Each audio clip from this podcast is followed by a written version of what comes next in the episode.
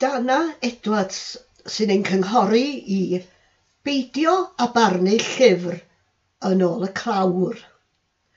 Wel, dyna'r neges arferol. Ond nid felly wrth ymweld ar arddangosfa llyfrau Cain, sydd i'w gweld yn Llyfrgell Genedlaethol Cymru Aberystwyth tan Ragfyr y nawfed 2022. Edmygu'r cloriau hynod brydferth yw pwrpas yr arddangosfa hon. Mae elfen arall wrth gwrs, sef gwerthfawrogiad o dechneg rhwymo llyfrau, gan ddefnyddio dulliau hynod grefftus, ac mae yna ffilm fer yn rhan o'r arddangosfa sy'n esbonio'r broses hon. Ond y cloriau, nid y ddecanyddiaeth sy'n denu. Ceir 220 o lyfrau yn yr arddangosfa, dim gormod o bwdin felly, y cynharaf yn dyddio o oes Victoria – a'r diweddara o oes Elisabeth yr Ail.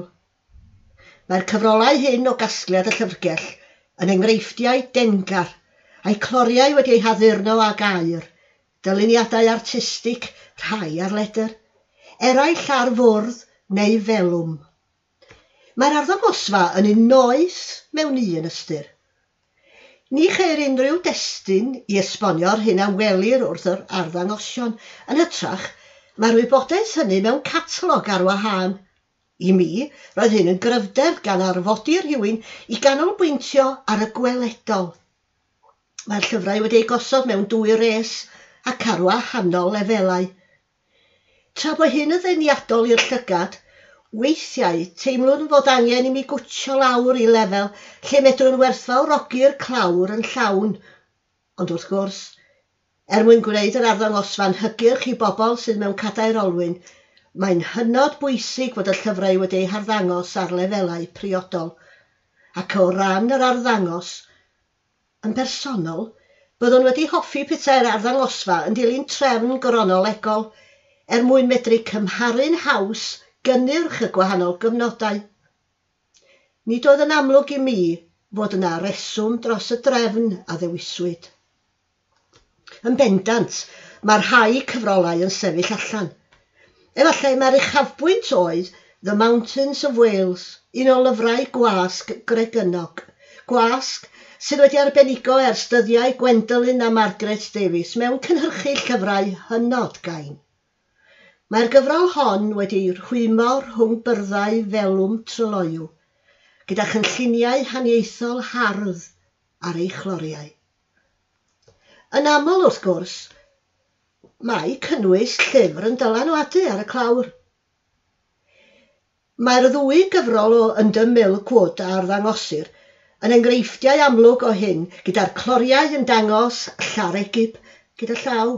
Mae llaregib, Sianol, yn bygyr o. Elfen o hiwmor drygionus Dylan Thomas. Mae'r haenau tenau o ledr ar fyrddau a ddefnyddir – Yn enghraifft o broses o elwir y lacwnws, hynny yw rhychog neu dyllog. Bu Julian Thomas yn bennaeth adran rhwymo a chadwraeth Llyfrgell Genedlaethol Cymru am nifer o flynyddoedd, ac mae enghreifftiau a'i arbenigedd yn yr arddangosfa hon. Cydweithiodd â yr Cyffin Williams ar aml i'r rwymiad.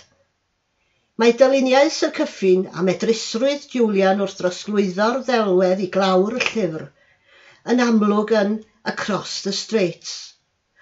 Yma gwelir dawn Syr Cyffin i symleiddio'r hyn a welai, er mwyn creu darlun trawiadol, a'r darlun hwnnw wedyn yn gwneud clawr llyfr penny gamp. Enillodd Julian Wobr am ei rwymiad o House of Leaves, cyfrol o gerddi gan Dafydd Ap Gwilym. Er taw yn 1993 y gwnaed y gwaith, mae'r felwm wedi'i steinio a ddefnyddir yn creu ymdeimlad hynafol, a hynny'n addas iawn ar gyfer clawr cerddi a sgrifennwyd yn y bedwaredd ganrif ar ddeg. Mae'r chwymiad yn enghraifft arall o'r cynnwys yn effeithio ar y dyluniad. Yma, ceir ymdeimlad o edrych trwy goedwig, ac mae'r llinell aur yn symbol wedyn o lif a rhythm y farddoniaeth. Mewn oes lle mae gweisg yn cynhyrchu llyfrau wrth ei miloedd ar beiriannau mawr, mae mor braf cael ein hatgoffa o apel arbennig cloriau cain ac o ôl crefftwyr ar ei creu.